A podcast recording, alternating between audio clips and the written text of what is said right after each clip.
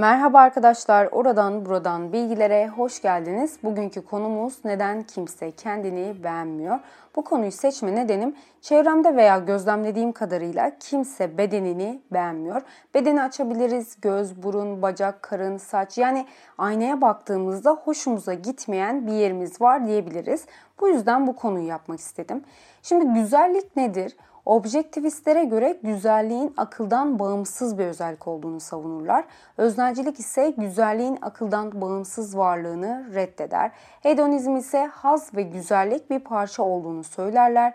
Klasik anlayışa göre ise parçalar birbiriyle doğru orantılı olmalı, uyumlu bir bütün oluşturmalıymış. Yani herkesin güzellik hakkında başka bir yorumu var. Aslında güzellik algımıza bakarsak dönemler boyunca sürekli değişmiş. Kleopatra podcast'imde bir tık bahsetmiştim. Kleopatra şu an bize güzel gelmiyor olabilir ama o dönemki tarihçiler Kleopatra'nın güzelliğini, çekiciliğini aşırı övmüşler. Antik Mısır'ın güzellik anlayışını incelersek kemerli burun, ince vücut, dar omuz, uzun bel, uzun takma saçlar, belirgin göz ve yüz hatları modaymış. Antik Yunan ise Antik Mısır'ın tam tersi. Kaine Yunancasında Güzel kelimesi horaios, saat kelimesi ise hora yani güzellik saat ile ilişkilendirilmiş. Genç olan güzel olarak kabul edilirken yaşlı veya genç gözükmeye çalışan kişiler güzel sayılmazmış. Antik Yunan'da yapay süslemelerden ziyade sadelik göz önündeymiş. Mesela vücut boyası yasakmış. Çünkü antik Yunan'da soluk ten, kalın kaş modaymış. İdeal erkek vücudu kaslı, atletik iken kadınlarda yuvarlak kalça, kıvrımlar, hafif bir göbek ve simetrik bir yüzden oluşuyormuş. Çok çok eskilere gidersek M.Ö. Paleolitik döneme orada güzellik anlayışı bambaşka. Bunu da Paleolitik dönem Venüslerinden anlıyoruz. Kadınlar o dönem doğurganlık sembolüymüş. Büyük göğüslü, geniş kalçalı tasvir edilmiş. Yani ne kadar kiloluysan o kadar güzel kabul ediliyormuşsun. Sokrates öncesi ise altın orana ne kadar yakınsan o kadar güzel olarak kabul ediliyormuşsun. Antik Roma'da beyaz ten aşırı önemliymiş. Aynı antik Yunanlılar gibi. Mesela yüzlerini beyazlaştırmak için tebeşir veya beyaz kurşun kullanıyorlarmış. Pembe yanak, uzun kirpikler, kalın kaş ve iri gözler modaymış. Hatta Kleopatra Roma'ya gittikten sonra orada yeni moda akımı oluşturmuş. Gözleri yeşil, mavi tonlarla gölgelendirmek gibi. Saçlar ise çok önemliymiş. Yeterli saçı olmayan peruk takıyormuş. Saç rengi ise kızıl ve altın sarısı modaymış. Erkekler ise zayıfa yakın fit vücut, tıraş edilmiş saç ve sakallar, kesilmiş tırnaklar erkekleri güzel olarak nitelendiriyormuş. Han hanedanı ise yani Çin'in güzellik anlayışı cilt ve saçla ilgiliymiş.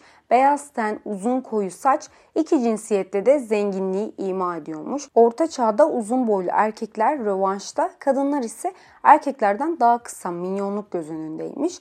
Orta çağda güzel olarak nitelendirilmek için kadınların şu özellikleri olmalıymış. Yüksek bir alın, incecik kaşlar, küçük dişler, açık ten, uzun boyun, dar göğüs, ince bel, belirgin göbekmiş. Rönesans dönemi ise şöyle bir algı varmış. Özellikle İtalyan Rönesansı'nda bir eşin görüntüsü kocasının statüsünü belirliyormuş. Yani büyük göğüs, geniş kalça zenginliği belirtiyormuş. Genel olarak 14 ve 16. yüzyılda küçük göğüs, geniş kalça ve ayva göbeği ön planda ama bu dönemde en önemli şey beyaz tenmiş. Nedeni de saraylarında oturan, güneşe çıkmayan yüksek zümre kabul ediliyormuş. Bir de o dönemi hatırlarsanız çiçek hastalığı varmış. Bu yüzden makyaj gerekli olmuş. 1. Elizabeth podcastimde bahsetmiştim. 1. Elizabeth çiçek hastalığından sonra yüzündeki lekeleri örtmek için sürekli beyaz fondöten sürermiş ki 1. Elizabeth'in portrelerine bakarsak o dönemin güzellik anlayışı kırmızı ruj, beyaz ten, erkeklerde ise makarnaya benzeyen peruklar modaymış. Victoria dönemi ise vücudun kum saati gibi gözükmesi istenilmesiyle korse modası başlamış.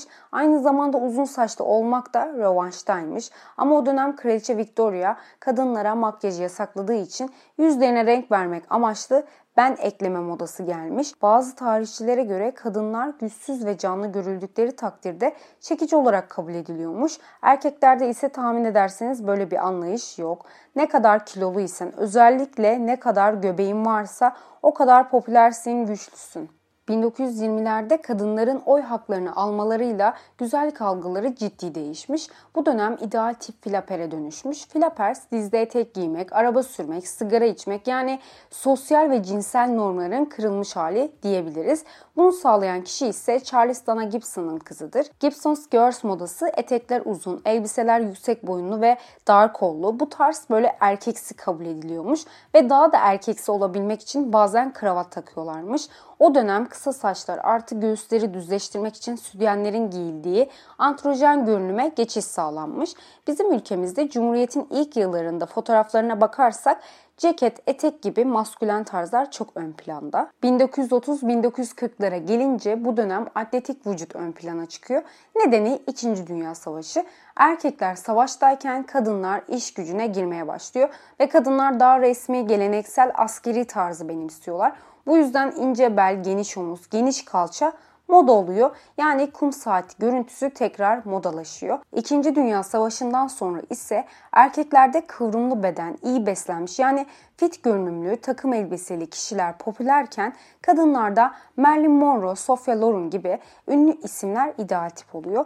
Yani 1950'lerle beraber balık etli kadınlar rövanşta oluyor. Hatta bu ideal rakamlara ulaşabilmek için çoğu kadın kilo aldırıcı takviyeler kullanmaya başlamış. 1960'larda ise Barbie bebeğin piyasaya sürülmesi ve Twiggy gibi modellerle sıfır beden modası popülerleşiyor.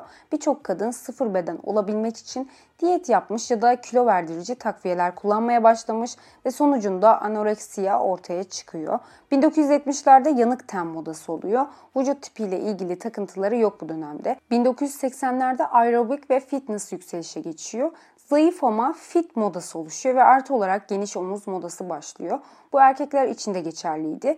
Tabi bu dönem uzun boy, uzun bacak popülerliği de oluşuyor. 1990'larda Cat Moss dönemi yani soluk ten, kemikli yapı, gözlerin altında koyu halkalar, zayıf yüz hatları tel gibi saçlar gibi androjenik görüntü popülerleşiyor. 2000'lerde ise ince ama sağlıklı figürler popülerleşmiş. Zaten günümüzü biliyorsunuz. Duyduğunuz üzere sürekli değişen bir güzellik algısı var ve bu güzellik algısı değiştikçe insanlar da sürü halinde bu akıma uyum sağlıyor. Neden peki? Şimdi nedeni farklı yaşlardaki kişiler içinde yaşadıkları toplumun, dönemin dış görünüş olarak duygusal ve zihinsel olarak etkileniyor ve gitgide kendi kusurlarımızı herkesten çok yargılamaya, görmeye başlıyoruz. Bu da düşük benlik saygısından ötürü. Bu tür davranışlarımız uzun vadede yeme bozuklukları, memnuniyetsizlikler, takıntılar gibi kötü sonuçları olabiliyor. Beden memnuniyetsizliği aynı zamanda psikolojik olarak etkiliyor. Bu psikolojik rahatsızlığı beden dismorfik bozukluk diye tanımlıyorlar. Bu kavramı ilk kez 1886'da İtalyan psikiyatrik Enrico Morselli tarafından vücuttaki kusurlarla ilgili endişe, yakınma anlamına gelen dismorfofobi terimiyle anmış. Bu terim Yunanca bir kelime. Dismorfi çirkinlik anlamına geliyormuş. Şimdi beden dismorfik bozukluğu kişinin kendi vücut görünümünün veya bedenindeki bazı parçaları ciddi şekilde kusurlu olduğunu ve bu nedenle gizlemek veya düzeltmek için önlemler gerektiğine dair takıntılı bir fikirle karakterize edilen zihinsel bozukluktur. Peki bunun tanısı nedir? Şimdi ilk öncelikle dış görünüşünde başkalarınca gözlemlenemeyen, başkalarınca önemsenmeyecek kusurlarına düşünüp bunlarla uğraşıp durmakmış. İkincisi tekrarlayıcı davranışlarmış. İşte bunlar aynaya sürekli bakma, dış görünüşünü başkalarıyla karşılaştırma ve güven arayışı diye örnek verebiliriz. Üçüncüsü bu düşüncelerinden dolayı toplumda sıkıntıya düşmek, işte sosyallikten kaçınmak gibi. İşte ondan sonra görünüşünü tekrar tekrar kontrol etme, yeme bozukluğu, kusurlu bulduğu yeri elleme, kamufle etme ya da değiştirmeye çalışmak veya bunların tam tersi aynaya hiç bakmamak gibi belirtileri olabiliyormuş. Araştırmalara göre beden dismorfik bozukluğu olan kişilerin davranışlarını incelemişler. %96 kendini başkalarıyla aşırı kıyaslama, %93 beğenmediği yeri kamufle etme, %90 sık sık aynaya bakmak, %68 aşırı kişisel bakım, %59 kusurlu yere dokuma veya güven arama, %40 deri olmak, %37 diyet yapmak gibi sonuçlar çıkmış. Şimdi diyebilirsiniz ki e bende hepsi var. Açıkçası deri yolma hariç bende de kısmen var. Ama bence öyle değil. Bu hastalığa sahip insanlar gün içinde saatlerce kusurlarıyla meşgul olabiliyorlarmış. Ben açıkçası saatlerce meşgul olmuyorum. Ama bir tık kilo takıntım olduğunu düşünüyorum. O gün çok fazla yemek yiyince aşırı mutsuz oluyorum. Modum böyle sıfırın altına düşüyor. Neden olduğunu da beden dismorfik bozukluğunun faktörlerini de anlatacağım. Şimdi konumuza geri dönersek bu takıntıya bir örnek vermek istiyorum. Kurt adam vakasını anlatacağım sizlere. Sergey Pankshev adında bir hasta varmış. Freud hastanın kimliğini gizlemek amacıyla ona bu ismi takmış. Bu hasta kurtlarla ilgili tekrarlayan rüyalar gördüğü için Freud hastasına bu takma ismi vermiş. Sergey'in burnuyla ilgili kaygıları varmış. İşte burnunun çirkin olduğunu düşünüyormuş ve bu durum sosyal yaşantısına engel oluyormuş. Freud bu durumu çocukluk nevrozu olarak betimlemiş. Yani psikolojik görüş burnun cinsel organı temsil ettiğini ve hastanın kastrasyon kompleksi içinde olduğunu belirtmiş. Bu kompleks 2-6 yaş arasında erkek çocuğun annesine beslediği cinsel içerikli duygular ve babasına karşı duyduğu öfkedir ve çocuğun onlarla çatışmasına neden oluyor. Ama hastanın diğer terapisti Ralph Mark Broswing ise hastanın beden dismorfik bozukluğu olduğunu, çünkü hastanın sosyal hayatını ihmal edecek şekilde burnu ile uğraştığını, cebinde sürekli aynasıyla dolaşması ve dakikada bir aynaya bakmasının burnunu hayatının merkezine koyduğunu belirtmiş. Yani bireyin görünümündeki memnuniyetsizliğin 6 aydan uzun sürmesi, sosyal yetisini sekteye uğratması gibi belirtiler beden dismorfik bozukluğuymuş. Burun demişken araştırmalara göre insanların en çok kaygı duyduğu bölgeleri inceleyelim. İnsanlar en çok %80 ciltlerine kaygı duyuyormuş.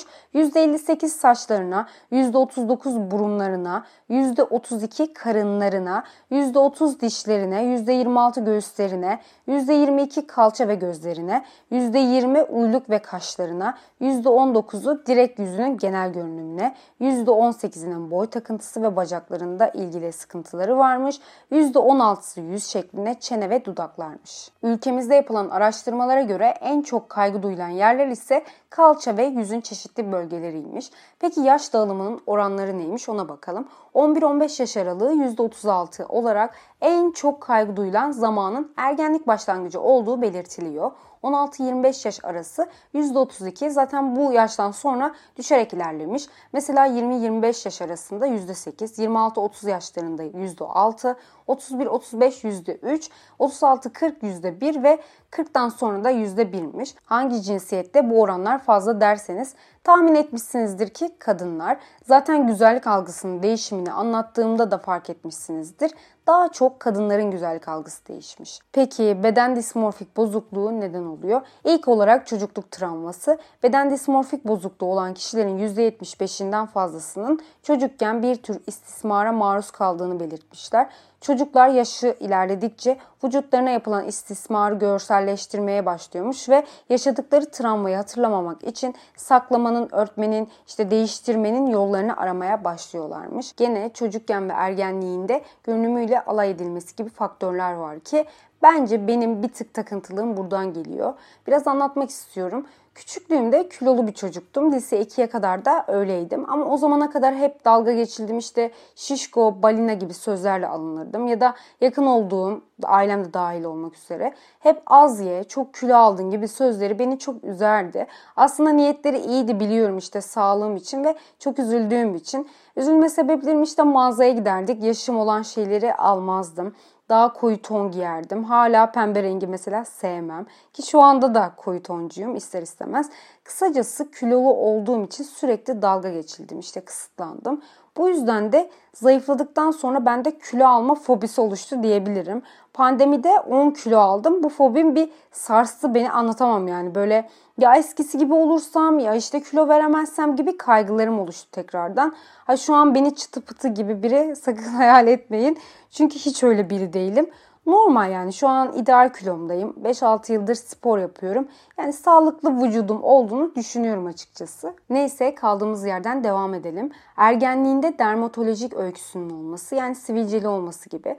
Valla bunu da teyit geçmemişim. Ergenliğimde de sivilceliydim. 25 yaşındayım hala sivilcem var. Başka faktör genetik kalıtsallıkmış. Yapılan araştırmalara göre kalıtsallığın %43 olduğu tahmin ediliyor. İşte çekingen, mükemmelliyetçi bir yapının olması, evhamlı, anksiyetli bir mizahın olması. Bir de şöyle bir faktör varmış.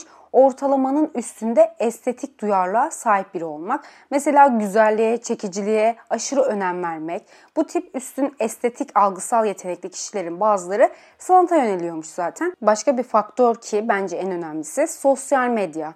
Sürekli sosyal medyayı kullanmak düşük benlik saygısını ve beden dismorfik bozukluğa yol açabiliyormuş. İstanbul Bilgi Üniversitesi ve Boğaziçi Üniversitesi'nin yaptığı araştırmalar benlik saygısı düşük olan bireylerin benlik saygısını ihtiyaçlarını karşılamak için kişiler arası etkileşimlerine aracılık etmek için sosyal medyayı kullanımının yanı sıra selfie çekmesi eğilimlerine daha sık katılıyorlarmış. Ki fark ettiyseniz sosyal medyanın kullanımı arttıkça güzellik algımız da aynılaştı. Herkes mükemmel gözükmeye çalışıyor. Çünkü o dönem güzellik algısı neyse o olmalısın. Yoksa eleştiriliyorsun, dalga geçiliyorsun. Bence çok yanlış. Yani size ne ki? Ben eleştirenlerin, dalga geçenlerin özgüveninin çok düşük hatta özgüveninin olmadığını düşünüyorum. Kimsenin de dış görünüşü yüzünden eleştirilmeye maruz kalmasını doğru bulmuyorum ki eleştirenler veya dalga geçenler için söylüyorum. Kötü niyetli olmayanlar da dahil bir insanın sırf sizin küçücük kelimenize böyle takılıp depresyona veya Allah korusun intihar edebileceğine ihtimal vermiyor musunuz? Belki siz öyle minik kelimelere takılmayabilirsiniz ama herkesin karakteri farklı ve o takılabilir. Bu risk alabiliyorsanız ne hala o zaman ne diyebilirim ki? Aslında anlattıklarıma bakarsak tarih boyunca değişmeyen şeyin başkası gibi olmak olduğunu fark etmişsinizdir. Tabii ki de beğenmediğimiz bir yerimiz olabilir. Bu çok doğal. İnsanız ve dört dörtlük değiliz. Kusurlarımızın olması da bunları değiştirmek istememiz de çok doğal. Ama plastik cerrah gidip birinin fotoğrafını gösterip beni buna dönüştür diyecek kadar kendinden memnun olmama durumu nereye gidiyor siz düşünün herkes birbirine benzemeye başladı. Yani herkes başka biri olmak için kendi bedenini değiştirmek zorunda hissediyor ve sosyal medyanın etkisiyle sürekli güzellik algımız değişiyor. Mesela daha geçen Kylie Jenner gibi olmak güzeldi. Bugün sıfır beden modası geri dönüyor diye okudum. Yani demek istediğim sürekli akımlara uymak, moda adı altında insanlara neyin yakıştığını veya yakışmadığını eylemine uymak zorunda değiliz. Çünkü kendi benliğimizi asla bulamıyoruz. Gerçekten nasıl daha iyi hissediyorumu bize düşündürmüyorlar. Bu yılın modası bu. Böyle olacaksın diyorlar. O yüzden kendimizi kendim de dahil böyle bir silkelim ve gerçekten nasıl olmak beni daha sağlıklı yapar diye düşünmeliyiz. E, Molaire'in dediği gibi güzellik geçicidir. Zaman onu siler geçer. Çünkü gerçekten güzellik geçicidir. Aslında onu oluşturan kavramlar zaman ve moda tarafından belirleniyor. Çünkü hatırlıyorum eskiden Selena Gomez'in patladığı zamanlar yuvarlak surat moda iken şu an keskin suratlar moda. Ya da geçmişte iri gözler modayken şu an badem göz moda. O yüzden hepimiz çok güzeliz. Güzel olmamızın sebebi farklılıklarımız olduğu içindir. Hepimiz birbirimize benzeseydik güzellik kavramı zaten olmayacaktı. Bu yüzden kendimizi olduğumuz gibi kabul edip sevmeye çalışalım, şükretmeyi öğrenelim.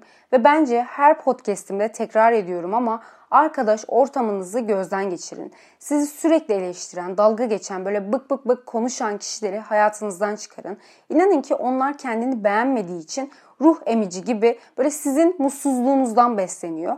Bu yüzden kendinizde gurur duyun ve kendinizi sevin. Hepiniz çok güzelsiniz ve çok yakışıklısınız. Anlatacaklarım bu kadardı arkadaşlar. Bir sonraki podcastimde görüşürüz. Hoşçakalın. Kendinize çok iyi bakın.